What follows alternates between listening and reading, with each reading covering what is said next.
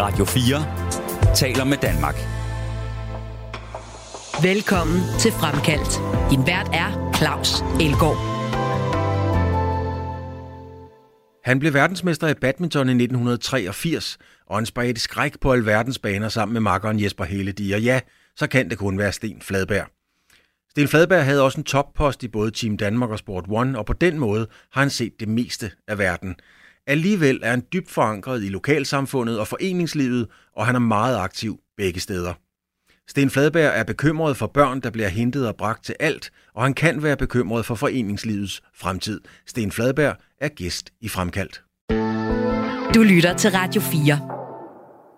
Sten, hvordan er det egentlig at blive verdensmester, altså den bedste i verden til noget? Fordi vi er jo mange, der har set nogen blive det. Det er bare ikke ret mange, der selv har prøvet det. Nej, men det var, det var jo en kæmpe oplevelse øh, der tilbage i 83. Det var jo sådan, at der var VM i Danmark, og at det var det VM, hvor at øh, Morten Frost, som jo var verdens bedste verdensspiller i 80'erne, og Lene øh, Køben, skulle ligesom på hjemmebane og vinde VM og så videre. Der sker så det, at øh, de ryger sig ud, havde lidt uheldig lodtrækning, og så ender det med, at øh, i semifinalerne, altså man udsolgt Brøndby øh, øh, til semifinalen var der så øh, Jesper jeg herredobbel og Pia Nielsen, som hun hed på det tidspunkt, og mig i mix. Øh, og jeg fik jo en fantastisk opbakning. Alt tv-tid, der var kun en tv-kanal dengang, så alle så det der. Mm. Øh, og vi vandt så begge semifinalerne og var i to finaler, og det var fantastisk. Tabte som mixen og vandt herredobbelen. Øh, og det gjorde jo, at på grund af den store, store opmærksomhed og hele den der sympati, der var med Danmark, og vi vandt øh, på hjemmebaner og mange tv-serier, at det kom til at fylde rigtig, rigtig meget. Øh, fik alle mulige tilkendegivelser. Øh, der var banket øh, på scenen i, i Tivoli, øh, i koncertsalen. Øh, taxaen, nej, der er rigtig, rigtig mange ting, øh, så, så det var en kæmpe oplevelse. Man kan, en af de lidt sjovere ting var, at jeg var sådan meget køgeagtig, og Køge jo, som jo dengang altid var den bedste række i Danmark, stort set skulle spille i Aarhus AGF. Og det var jeg så også på radioen, det her selvfølgelig, og de holdt ind for at høre det sidste bold. det, var, det var meget sjovt. De holdt simpelthen ind? ja, fordi lige har jeg hørt, øh, for lige skulle have det sidste bold med, så, så øh, ja.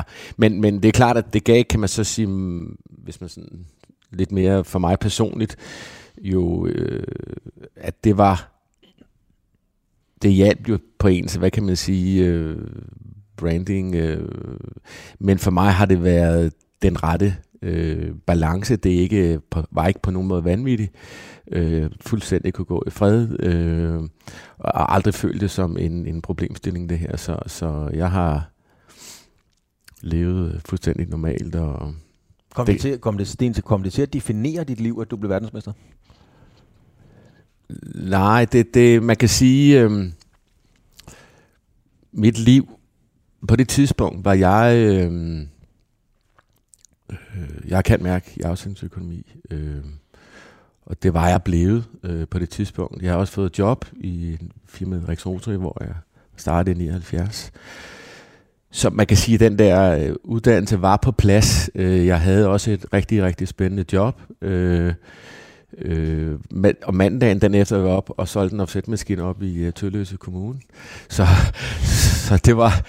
Men man kan selvfølgelig sige, defineret på den måde, at, at, at det, det førte nok til, at jeg der i, så i 86 øh, blev marketingansvarlig i Team Danmark, da det så startede. Mm. Øh, fordi det var jo en kombination af, at, at min uddannelse, øh, min idræt, øh, og så det, jeg havde lavet erhvervsmæssigt indtil da. Men, men jeg skal lige forstå, røg du Sten direkte fra, fra guldmedaljen om halsen og ud og skulle sælge øh, maskiner? Ja, dagen efter, ja. For jeg havde lavet en aftale, det kunne, jeg, det kunne jeg jo ikke vide. Så, så, så, så, øh, og det var faktisk sådan, at i Rexosa, hvor jeg var, der var det selvfølgelig også en, blev en stor begivenhed. Der blev ringet med en klokke, og firmaet blev samlet og sådan noget. Så det var, det var den periode der, det var fuldstændig fantastisk. Øh, og det sjove er så, Øh, mine forældre øh, har lavet skrabbøger, mm. og når man så ser det, skrabbøgerne nu her, øh, der er sket det, at i badminton, der kommer noget af badmintonmuseet, som ikke er støde på nogen måde, tværtimod.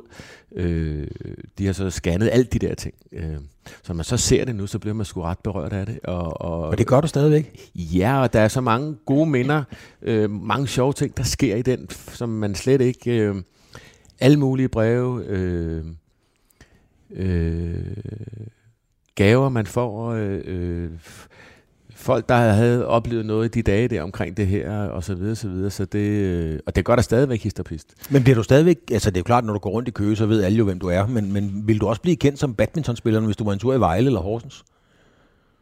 Ja. Ja, det altså, hvis der er nogen, der spiller badminton, men ja. ikke almindelige mennesker overhovedet. Altså, det er jo længe siden 83, ikke? Øh, men det er klart, at i badmintonkredse, mm. dem, der har spillet badminton, og dem, der måske er 5-10 år yngre, er, er øh, de, de ved godt, hvem jeg er. Mm. De fleste af dem. Jeg, jeg var jo en af dem, der så det med, med stor fornøjelse, og, og øh, jeg, jeg var meget ked af det, fordi Morten Frost røg ud. Morten har jo altid, det har jeg ikke lagt skjul på i mange interviewer, at Morten har jo altid stået for mig som, som den største sportsmand. Stort set af alle. Jeg, jeg, er meget, jeg er meget stor Morten Frost-fan. Mm. Øhm, han røg ud, men, men, øhm, men jeg kunne godt lide at se dig og Jesper Helledi, og, og, og jeg kunne godt lide din fight, og jeg kunne godt lide hans elegance. Var, var, var, er du bare sådan en defineret fighter? Nej, men der er også... Jeg forstår godt, hvad du mener jo. Øh, men fordi der er også tit nogen, der spørger mig, hvad var det egentlig, du kunne? Hvordan kunne det lade sig gøre? Jeg siger så, at jeg var to finaler. Øh, jeg er også i mixduel, altså, ja, hvor Jesper ikke hjalp mig. Men jamen, jeg tror, mit øh, badmintonmæssige styrke har vel været, at øh, jeg var 100% på. Øh, også til træning. Når jeg så trænede, så var det intensivt. Øh, også øh, når vi så var på banen, tror jeg, klar 100 procent. Øh, det handler ikke om, som altid har sagt, blive øh, 100 procent bedre til en ting, men, men 1 procent bedre i 100 ting. Altså, og så tror jeg også forståelse for egen styrke og svagheder, hvor skal man forsøge, at spillet kommer hen sådan rent taktisk. Hvad er det, de andre kan? Forståelse for, hvad de kan, og hvordan, hvad gør vi så? Hele det der, tror jeg. Mm-hmm. Og så tror jeg også, det er fint på banen, at der er en, der er, sådan, der er drive i, og så kan der en anden en, der kan slå nogle rigtig fine slag og, og andre gode ting. Øh, så det er den der kombination, øh, at vi fandme er på. Mm-hmm. Øh, og holde det der tryk, der skal til, øh, og blive ved med det, det tror jeg, det forsøger også at sige til de børn, jeg træner, men, mm. men, men det, det tror jeg betyder. Og så er det klart, at i Danmark har vi et niveau og et tempo, som jo er afgørende for alt. Øh, så jeg har også spillet single rent faktisk. Ja, du har to gange på rangen, nummer to på rangen, to gange. Så ja, ja. folk siger, var der kun dubbelspil, det ved man jo ikke. Nej, der var så, mange gode spillere på det tidspunkt jo. Ja, og faktisk til det VM der var jeg med tre rækker, og var i 8. finalen i single, vandt tre kampe tabt stort til Lims Viking, men altså, jeg kunne få den over flere gange til Claus. Ja, og, det, og tabe til Lims Viking, det kan jeg så lige sige, det er der mange, der har prøvet. ja, ja. Øhm, ja, ja. Lad os lige holde fast i Lims Viking, øh, fordi hvis vi tager ham, vi tager Hartono, Allan Kops, øh, Morten Frost, hvem er den bedste verdens, øh, badmintonspiller i verden nogensinde i single? Jamen, jeg, jeg, jeg synes helt klart, at Morten der i 80'erne var rigtig, rigtig dygtig. Også fordi han var så konstant. Og Morten havde jo heller ikke noget, kan man sige, afgørende slag, men han var snu, han kendte sine modstandere fuldstændig. Han spillede hurtigt, men øh, var meget, meget fejlfri. Var på altid. Øh, var enormt øh, øh, ud i detaljen perfektionistisk. Øh, og så havde han det fantastisk benarbejde. Noget folk ikke så meget ved, det er, at Morten kan jo springe, tror jeg nok, to meter højde spring uden at træne. Ja. Det siger noget om, at, at man, når man står i sit spil, så man kan bevæge sig rundt på banen med et kraftigt afsæt, og så er du mm. i balance. Mm. Og det var det Morten. Det tror jeg også er en af forklaringerne. Ja. Men, men så er der jo mange allerede nu, der, altså allerede nu er der nogen, der har smadret noget nede i Kakkelborg og sagt, det er Victor Axelsen. ja, ja, ja. Nå, men jamen selvfølgelig, Victor gør det fuldstændig fantastisk, og det går i dag så fantastisk stærkt. Jeg er så imponeret over det. Mm. Man kan så sige, at, at Victor, ja, nu har han også været med i mange år, men Morten havde vidderligt 10 år. Jeg tror, at dengang var All England jo kæmpe stort, og Morten var jo i 10 år ikke dårlig i semifinalen. Nej. Øh, og, og, og, det var, der hører også, det hører også med til forklaringen, at da vi var unge der, der kineserne var jo ikke med i det internationale det kom de så. Og når Kina havde været ude, de få gange, de var uden for, for Kina og spillede mod de bedste spillere, vandt de kæmpestort. Ja. Og, da, og da, da vi så kom til at spille med dem, da de kom ud i vores generation. Fik vi også i starten tabt kæmpe stort. Men så vendede vi os til det, og til tempoet og alt det der, og det gjorde, og så, så lige tager Morten, så alle de dyster, han havde med Luan Jin og Han Jan og hvad det hed alle sammen, øh, Yang Hua, Yang Yang, så var det jo fordi, at Morten, ja også vi andre, lærte at spille i det tempo, løftede vores spil til, at, altså det var den måde, du i alle idrætsgrene jo, det handler om det at komme op i tempo, mm. og, og det lærer man næsten bedst ved at spille med nogen, der spiller højere tempo end dig selv. Mm. Og det formåede Morten, når man skal forklare det. Hvor man kan sige, Victor er født ind i det der. Så man kan måske lægge lidt til Morten, det der med, at han mestrede og, og løfte sit spil et niveau op, øh, tempomæssigt op. Du lytter til Radio 4. Det, som du fortæller med, at alle de parametre, du kunne læse, og du kunne aflæse dine modstandere, dine medspillere, dine kammerater osv., øhm, er det noget, du også kan bruge til, i dag i dit virke, at du er god til at læse mennesker? Nej, men jeg, jeg tror, hvis man skal overføre lidt til sport, så kan man sige, øh, jeg har jo dyrket andre idrætsgrene, altså enhver dreng i Køge spiller fodbold. Ja. Det er ligesom fodboldens vugge i Danmark, det ved alle jo.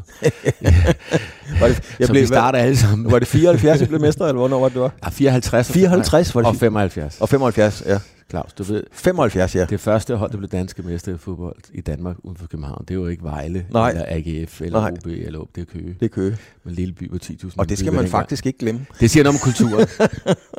så, ja, øh, jeg er så 75. Men, men, så jeg spillede meget fodbold, det gjorde alle. Øh, Øh, jeg har spillet meget tennis. Øh, jeg jo alt muligt forskelligt. Og jeg tror, i alle idrætsgrene, eller dem der, det er jo som dem personlighed, man har. Der er det jo sådan, at for jeg er hverken øh, kæmpe afsæt eller slår hårdt. Øh. Jeg kan huske i folkeskolen, når vi skulle springe længdespring og højdespring, så sagde lærerne altid til mig, Sten, du gør det utrolig godt, rigtigt. Men jeg sprang altså kun 1 meter 10 højdespring og 4 meter længdespring. så det vil sige, det der, man har været nødt til at finde ud af, hvad, hvad, hvordan er jeg så jeg kan bringe mig selv i spil. At der tror jeg, det er tilbage til det der med at øh, være måske taktisk, øh, hvad gør de andre, øh, at være øh, max på, når man træner, øh, alle de der ting. Øh, kan man, kan man, min. kan man trække den sådan op, Sten, og, og det er jo ikke nedværdigende over for dine kolleger eller de andre at sige, det kan godt være, at de andre var lidt bedre end dig, men du var lidt klogere end dem? Det, det ved jeg ikke. Øh, jeg har nok også været god til det der bedst, når det gælder. Altså, øh, at selvfølgelig er man nervøs, men, men alligevel fået det bedste ud af det, når så man er derinde. Ikke? Mm. Og så tror jeg da også, det der med at læse sine modstandere øh, har været øh, en styrke mm. for mig. Er du sådan meget passioneret? Altså øh, et eksempel, jeg sagde det også til dig, inden vi startede, man skal ikke skamme sig over, man en bog om whisky liggende, det har jeg selv. Men lige da jeg gik forbi den, så tænkte jeg, Guillaume Sten, han kan sidde og nyde en whisky, uden at skulle vide præcis, hvor den er lavet, af hvem den er lavet, og hvordan den er lavet. Ja, det, det er jo noget med, at, at øh, vi havde købt, min far havde en købmandsforretning, og, og øh, der tilbage sidst i 70'erne, så kom der noget rødvin og et overgang og 100 rødvin, ikke fordi jeg gik op i det, men på en eller anden måde, så blev der sået nogle korn, og, øh, og jeg tror nok, at jeg har været god til det her med at, at leve det hele liv, altså øh, venner og familie og, og Ja. Det, det skal du lige forklare. Hvad er det hele liv? Nej, men det hele liv har været, at, at øh, øh jeg har... Øh, jeg har jo gået i skole, for en uddannelse, øh, har en kæmpe vennekreds her, som jeg har haft hele mit liv. Øh, jeg har fået job, øh, øh, og, og nyt livet kan man sige, herunder også at kunne drikke noget god rødvin, mm. som senere blev til lidt whisky og lidt andre gode ting, med måde, alt sammen. Mm. Øh, deroppe i Rexosø, som jeg øh, var lidt inde på, hvor jeg var i 5-6 år, øh, fra, fra, for alvor for, for 80 af, der startede en vinklub, det lyder måske lidt mærkeligt, men jeg har planchen herinde på værelset. men, men alting med måde, så i, i virkeligheden så tror jeg, at det der med at gøre forskellige ting, at, at man, at man, det, når man så gør noget, så gør man det fuldt og helt, øh, og det gør så også, at, at man kommer med overskud til det, øh, så ikke det bliver en, en, øh, en, hvad kan man sige, noget, der hænger ind ud af halsen, mm. øh, men at man, det er med glæde, og det er med gejst, og det er... Øh, og det tror jeg, sådan var også, da jeg spillede tennis. Hvad for en idé med tennis i U19 en gang. Øh, fordi det bare var sjovt, ikke? Øh, så, så det er nok min... Når vi er der, så går vi til den. Er vi gode nok til, nu træner du også børn, som du siger, ja. øh, og så møder du også mange børns forældre. Er vi generelt nok gode til at leve det, du kalder det hele liv? Ja, det har jo mange aspekter. Øh, det her med børnene øh, og forældrene. Øh, for det første vil jeg sige, at, at der er ingenting, der kan lade sig gøre i Idræts Danmark uden forældrene. Øh, men jeg tror, at det som måske lidt anderledes, man tror, fordi hvor børn, det hedder sig, at vores forældre er for travle, men det går ikke ud af børnene på noget, de bliver hentet og bragt til alting. Altså jeg øh, her i Køge, der, jeg kalder mig selv som et barn, når det er lovpakken. Altså det var sådan et grønt område, vi var nede på, når vi kom fra skole i syv år, og var der hver dag indtil øh, til vi skulle hjem, øh, og i flere flere år, hvor vi jo lavede alting selv og lærte alt muligt. Øh. Nu bliver det hentet og bragt, og det er halden i halvanden time, og det er jo fint, at det bliver hentet og bragt. Men det der med at være der, hænge ud i hallen, lave alt muligt mærkelige slag, finde på alt muligt sjov, det, det, øh, det savner jeg. Øh, eller savner, det ved jeg ikke, men jeg tror, at det er vigtigt, øh, den der Øh, for det er jo de sjove slag, man lærer, når man går og finder på noget selv i handen og rammer netstoppen, eller hvad man nu skal. Ikke? Mm. Øh, det, det er... Øh, der tror jeg, der er en problemstilling for dansk idræt med, at, at, at, at de bliver hentet og bragt, og hvor børnene hen selv tænker det selv over det. Øhm, det er som om, det bliver færre og færre, det der med, at de bliver bare... Øh, folk vil rigtig gerne have, at børn skal bygge idræt. De vil også gerne have badminton, fordi badminton er et kanon godt spil. Men, men, men det er ligesom om nogle gange, for det er forældrene, der gerne vil have dyrke idræt, hvor man kan sige, hvad vil børnene selv? Og den ting, kan man sige, tror jeg er lidt på retur. Mm. Og det er jeg faktisk lidt bange for. Hvordan var det med dig selv? Altså lå det i kortene? Havde du nogle forældre, der ligesom sagde, du skal spille badminton, du skal være den bedste i verden? Eller hvordan var det? Nej, altså jeg, som jeg sagde, var børn af lovpang. Det var sådan en grøn om, der lavede alt muligt nede. Mm. Alt muligt. Klætter i træer og spillede alt muligt bold og hvad ved jeg. Og så blev jeg med med at købe boldklub. Øhm, det er 10 år skulle man være dengang. I dag er det jo helt vanvittigt øh, sent. Og så var der sådan en, der lavede tiltag med badminton, da jeg var 11, og der var så også nogle stykker, der var med. Og så spillede jeg jo begge dele nogle år, og øh, min far var sur, og jeg skulle spille badminton. Men øh, så, ja, så blev jeg rimelig god til badminton. Var det, var det øh, første gang, da du var 10-11 år, du havde en, kat, en badminton i hånden? Ja, 11. 11. Det, det er jo helt usædvanligt. Ja, fuldstændig. Øh, og så var der det skisma i køgefodbold, det er bare noget, man spiller, det er ligesom, men, men øhm, vi blev sjældensmester, som drenge hed det dengang, mm. i fodbold, med mange af dem, du vil kende.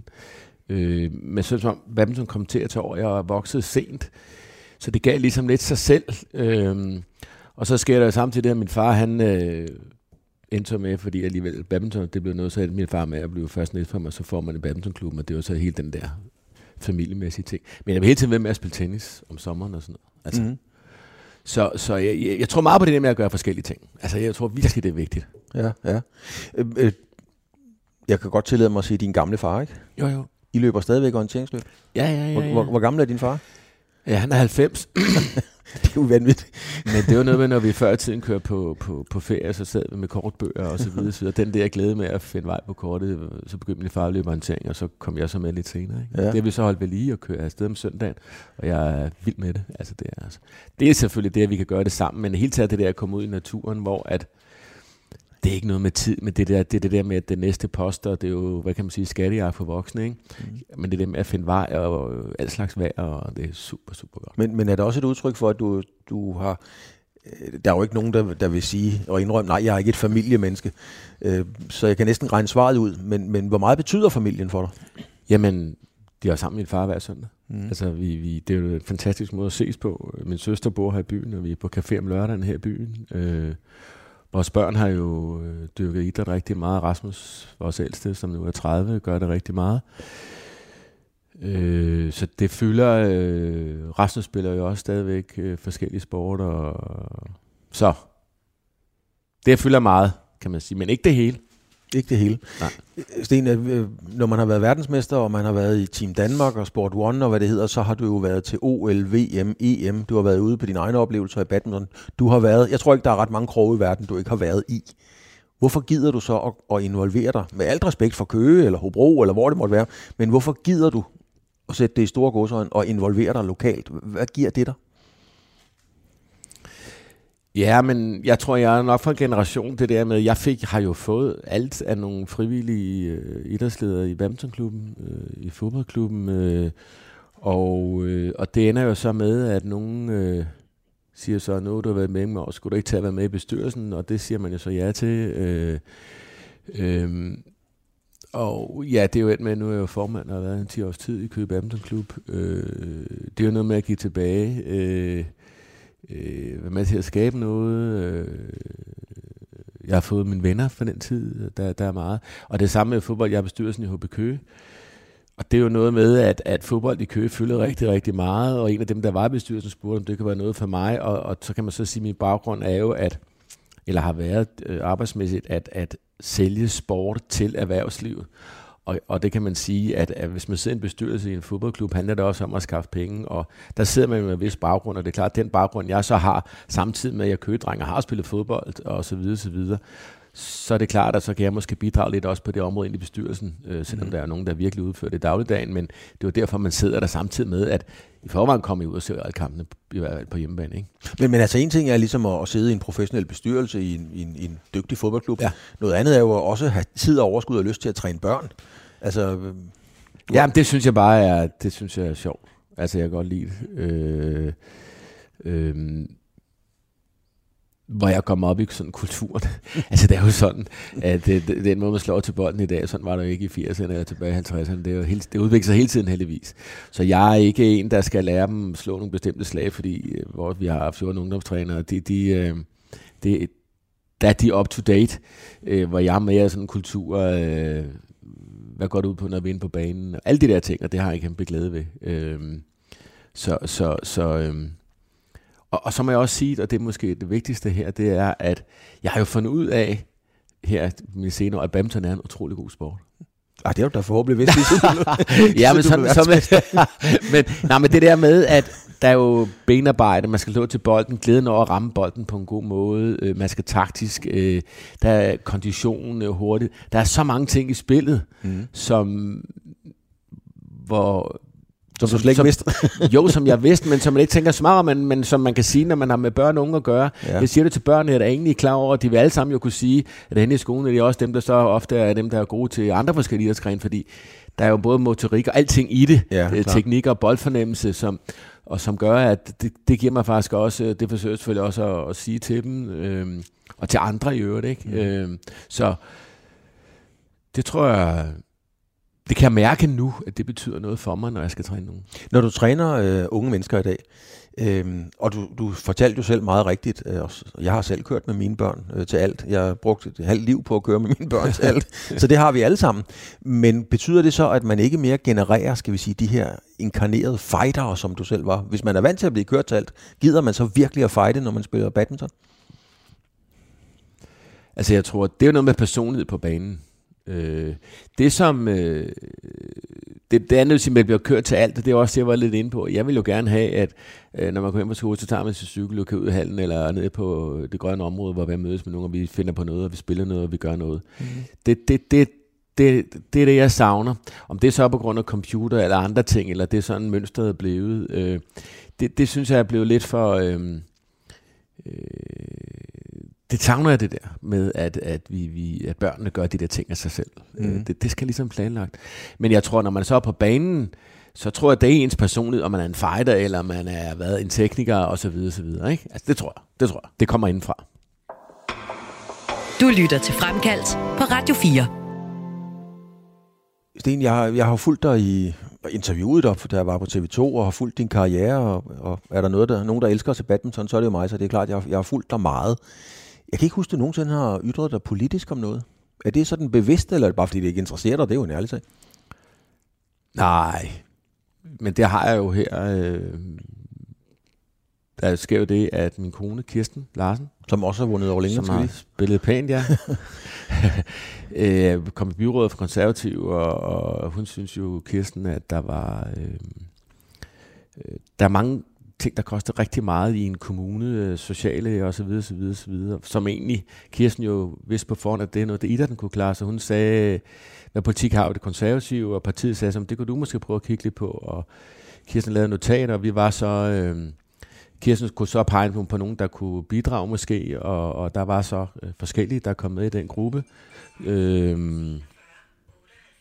der er en telefon, det gør ikke noget. Det gør ikke noget, nej. øh, og så vi endte med at være 5-6 stykker, inklusiv også en inden for sekretariatet, øh, Elias, øh, som så endte med at komme frem med øh, gennem en længere periode et, et, et kan man sige, en idrætspolitik. Mm. Øh, og jeg synes, det gode ved det var, at der er så meget idrætten kan, som i virkeligheden slet ikke er politisk. Altså det her med, hvad kan idrætten for integration, kriminalitet, øh, øh, sundhed, øh, ensomhed. Der er så fællesskaber, og for nogle mennesker med i nogle fællesskaber, øh, som kun idrætten kan. Og, og det, det, det, kom vi jo igennem med, og jeg synes selv, at det spændende ved det er, kan man så kalde det politik eller ej, men det er ikke sådan særlig partipolitisk, men det er mere alt det idrætten kan. Mm. Øh, og det tænker jeg egentlig godt, at man generelt i vores land øh, kan arbejde endnu mere med, fordi det, en ting er at have det på stående stykke papir, men hvordan kan man så gennemføre det? Så man kommer ned på apoteket, og en har måske diabetes, og måske blevet lidt overvægtig. Hvorfor er det så ikke, at apotekeren kan sige, øh, herre eller fru Hansen, øh, du bor ude her følger, jeg ved, der er nogle betankbaner, og her har jeg lige lagt en lille folder i. Og sådan kunne man blive ved med, at, at man i langt højere grad arbejder med at så få dem ind i idrætten. Det kan være lægehusene, det kan være familierne, øh, det kan være hen i skolen, hvad ved jeg, øh, apoteket som sagt. Øh, det synes jeg, man kan arbejde med, så, så, så det var jeg faktisk rigtig glad for at være med i det arbejde. Men, og, og det er jo øh, åbenlyst en, øh, en, en god idé, men, men Sten, kan man måske tolke det som, du er jo foreningsmand i hjertet er det også et udtryk for, at foreningerne ikke er stærke nok mere? Fordi foreningerne kunne jo også ligesom byde sig til at gå ned til doktormanden og sige, prøv at høre, hvis du har nogen sådan og sådan og sådan, så har vi altså en betankbane. Ja, altså, jeg vil så sige, at vi er jo Danmarks Idrætsforbund og DGI har jo en, en, en, kan man sige, en vision om, at i 2025, der skal 50% være medlem af en forening og 75% i bevægelse. Og det kan man sige, det er vi jo som klub, hele idrætten, en del af. Og alle forbund bliver jo Øh, Øh, DIF, øh, hvad kan vi gøre for at rekruttere, øh, og det er jo vi en del af, og Køge Kommune har jo også overtaget det, den samme målsætning, så også de er jo i gang med, hvad kan vi gøre for at hjælpe foreningerne med at, at rekruttere. Øh, så, men det er klart, at det kræver også overskud, at, at øh, folk kommer ikke af sig selv, Øh, det kræver også overskud at tage godt imod. Øh, det gør vi meget ud af, men det der med, at som jeg sagde før, folk vil gerne dyrke idræt. Øh, når så de kommer, så prøver de, hvis de bliver taget godt imod, så bliver de og siger det hen i skolen, måske omvendt. Hvis det ikke lige går, jamen, så er de væk. Øh, så det arbejder vi også meget med, øh, men der hvor jeg virkelig tror, øh, så ved jeg ikke om det er politisk, men, men det er jo skolerne, altså selvom vi fik en, en, en, en ny skolereform, hvor jo idrætten fylder mere, eller bevægelse fylder mere, så er det, hvor skolerne rigtig kan bidrage, det er jo på det rekrutteringsmæssige, at, at, at idrætten kan komme og præsentere sig selv i idrætstimerne. Mm-hmm. Og det, det, det føler jeg kan blive sat bedre i systemet end der i dag. Men nu tænker jeg kommer lige til at tænke på, Sten, fordi du, du siger, når du træner dem, man slår ikke til bolden på samme måde, som I gjorde, og Allan Kops gjorde, osv. Spillet er ganske enkelt blevet produktudviklet. Er idrætsforeningerne, er foreningslivet blevet produktudviklet, så det i virkeligheden passer til det, det unge mennesker gerne vil i dag? Mm, altså, man kan sige, der foregår noget træning, hvor man jo uddanner trænere. Øh, der var der så et problem med mange steder, det var at skaffe trænere. Ja, men det, det er lidt en anden problemstilling. Men man kan sige, det der, altså, der blev lavet alle mulige former for aktiviteter og klubturneringer og sted til turneringer og hvad ved jeg. Øh, Øh, men det har man men, jo altid gjort. Ja, jeg savner måske lidt mere det der med, som vi i gamle dage kaldte øh, klubliv. Jamen. Altså man kommer der ned, og det bliver mere socialt. Vi spiller kort, ja. øh, vi ser et eller andet på tv, slutrundt et eller andet. Går i bad sammen, bare for at noget? Meget vigtigt. Øh, hele det der, det, der er nogle af de der ting, der er forsvundet, det er egentlig med dig i, øh, hvilket jeg også siger til alle, hvad fanden, de vil gå ikke i bad, han har sagt, ikke? Mm. Øh, så der, fordi det gode det er, at der er vi jo alle ens jo. Øh, så der kan man sige, øh, men, men, men det er rigtigt. Jeg tænker også bare, vi Men det er lidt tilbage til det, man bliver hentet og bragt hele tiden. Ja, men altså, vi lever jo også i den her selfie-verden, så, og foreningslivet er jo socialt. Altså, hvordan, hvordan, øh, hvordan produktudvikler man det til at harmonere, sådan så man stadigvæk godt kan være bekendt at tage en selfie ned i idrætsforeningen, kan man sige. Det skal jo, det skal jo hænge sammen. Ja. Er det, er det det, der er udfordringen? Ja, altså, her rammer man jo fastholdelse. Altså, hvad gør, at folk skal blive ved? Øh, og det er jo den oplevelse, man, man oplever til træning. Ikke? Mm. Og der, der er det, tror jeg, der er en stor udfordring i, at man får nogle grupperinger, hvor der er nogen, der er sammen. Altså, hvor man har noget sammenhold, der ikke har noget at gøre øh, med den enkelte idrætsgren, man nu engang dyrker. Mm. Og, det, det, og, og for at det kan opstå, så skal man jo også være derude over til træning. Altså, der skal være nogle ting, der, der binder folk sammen, ture eller aktiviteter, man laver, eller hvad det nu kan være. Og det tror jeg er det kan man nok blive bedre til. Er, er du bekymret, Sten, for, for, for foreningslivet i Danmark, som jo er en hjørnesten i den danske kultur? Det er noget, man kommer fra Kina og Japan for at kigge på osv. Kan du være nervøs for foreningslivet? Altså der, hvor det øh, halter, det er, at, at, at dem, som har hvad kan man sige, fået et liv i klubben, der har fået øh, sendt ud til turneringer i vores tilfælde, som har fået træning. Badmintonbold er en dyr udgift i, vores sport. Øh, at de sådan per automatisk kommer, øh, bliver en del af det frivillige arbejde bagefter. Mm. Det tror jeg altid har været, øh, gælder også mig selv, øh, og det er som om det er på retur.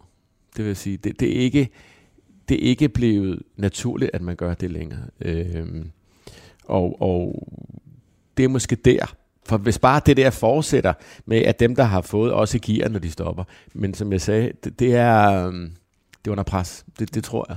Øh, og en anden ting, det er, så synes jeg nogle gange, at man er lidt for hårde ved, at nu skal forældrene heller ikke, øh, det er fint, de er der, men de må ikke blande sig og sådan noget. Der, der, der tror jeg, det er mere op til foreningerne og til de enkelte idrætsgrænser selvfølgelig, for hvor, hvor er det så, øh, hvor går grænserne? Men, men, men hvis man er forældre, så er det jo svært ikke at engagere sig, og det skal man da bare bruge positivt. Altså, øh, øh, der, der, der skal man passe på.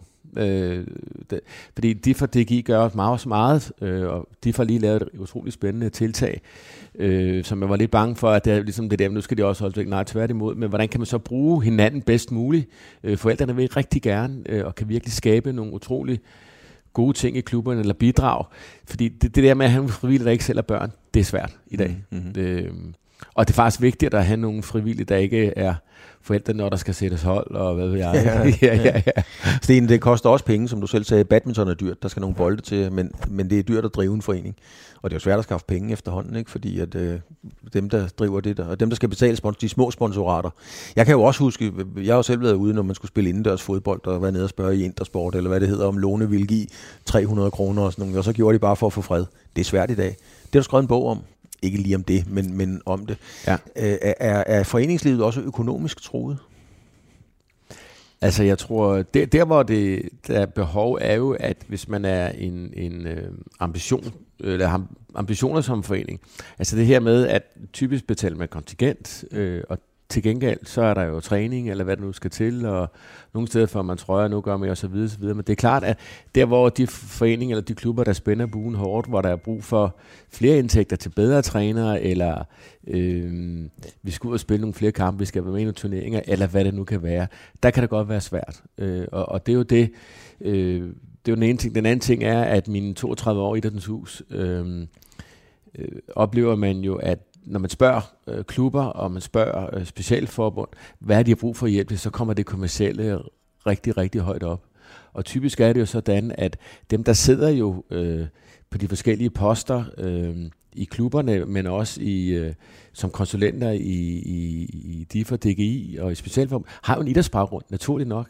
Så derfor, de har ikke nødvendigvis en kommersiel baggrund. Så derfor er der ikke rigtig mange, så mange svar at få. Og faktisk havde jeg ikke, næsten ikke lavet noget materiale på det område. Og det var derfor så, at min gode ven Arne Buk og jeg gik i gang med at skrive den bog, som vi har ville i nogle år, men nu er der blevet tid til det, som henvender sig til, til, til klubber, øh, som økonomisk set gerne vil gøre det bedre, og hvad er så deres muligheder i dag? Det kan jo være til en træningslejr, det kan være, som jeg sagde før, til rekvisitter, til hvad ved jeg, øh, tøj til alle spillerne og trænerne, og hvad det nu kan være, og fælles ture. Øh, hvad kan man så gøre? Og i stedet for, man starter Nørregade 1 og slutter 179, og ikke har nogen baggrund, kan man, er der så nogle genveje, kan man gøre det nemmere?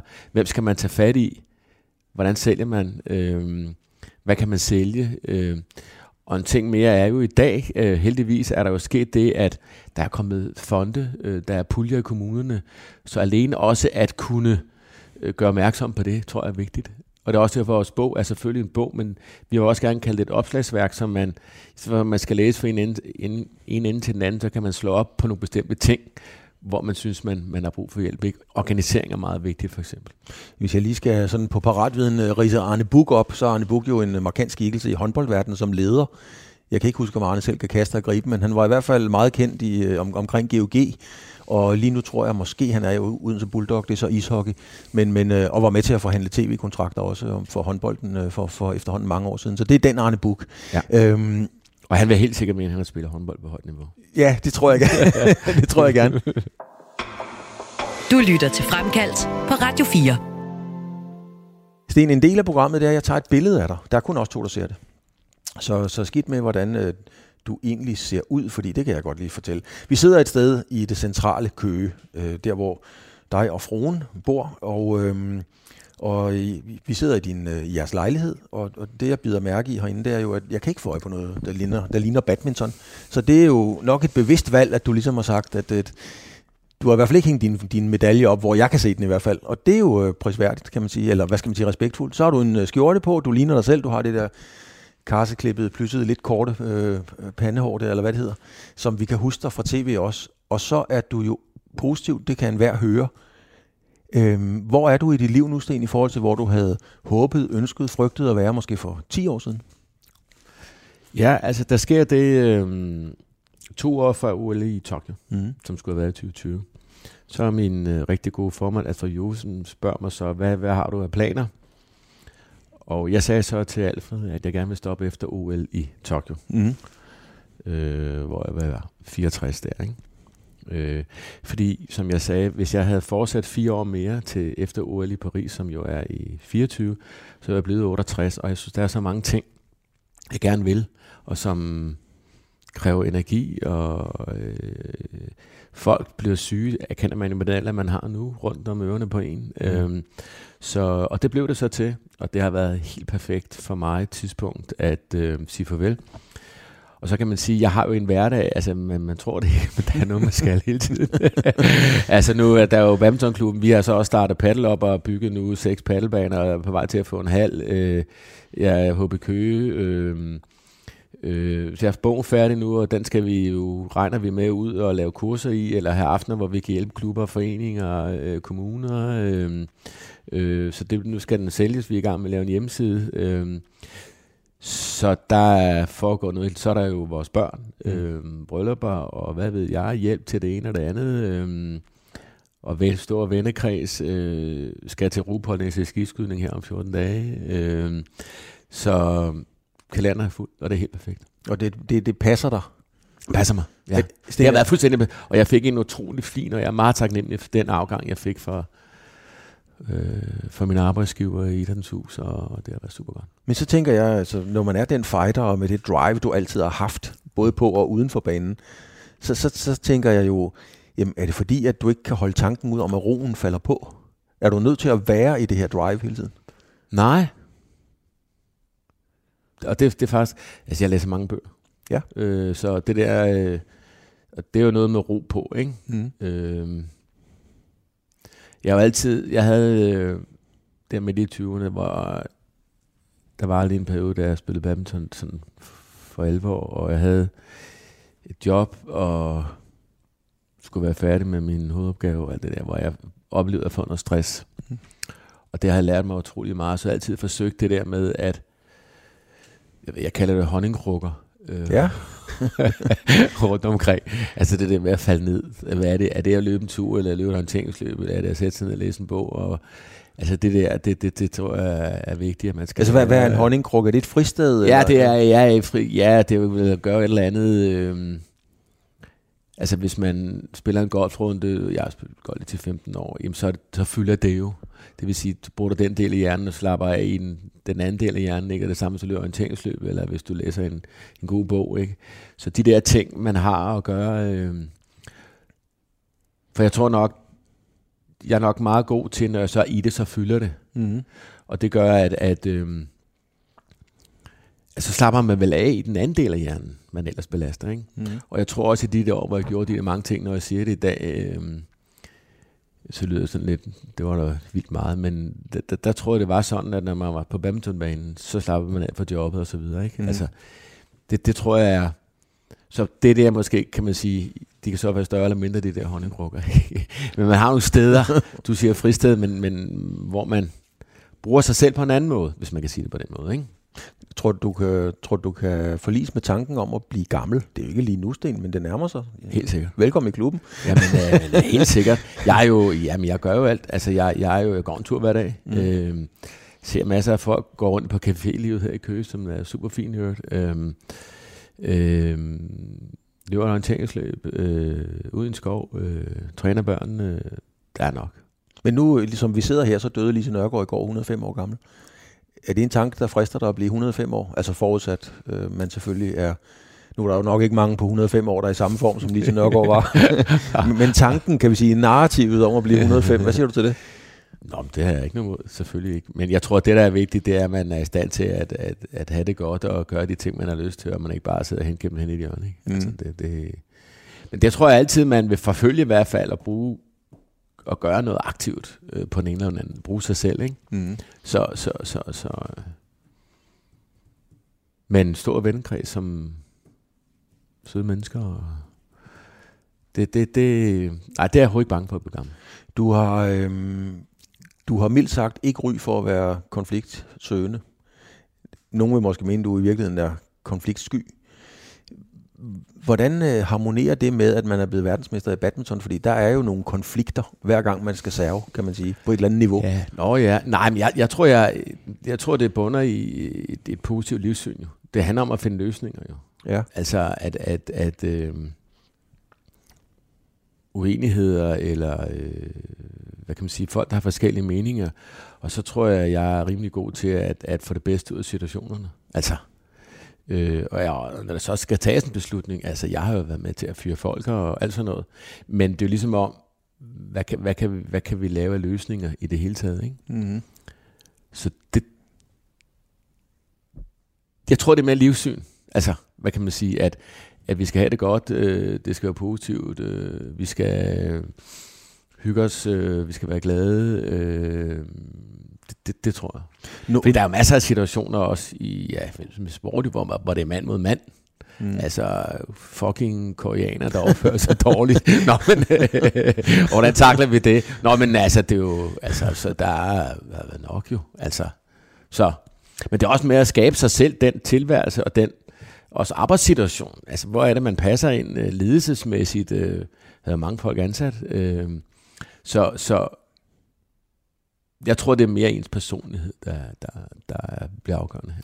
Nogle vil mene, at konfliktsky mennesker spiller fodbold og, og håndbold, øhm, mens andre spiller badminton. Eller konfliktsky mennesker spiller badminton, og dem, der vil have konflikterne, spiller håndbold og fodbold. Er det rigtigt?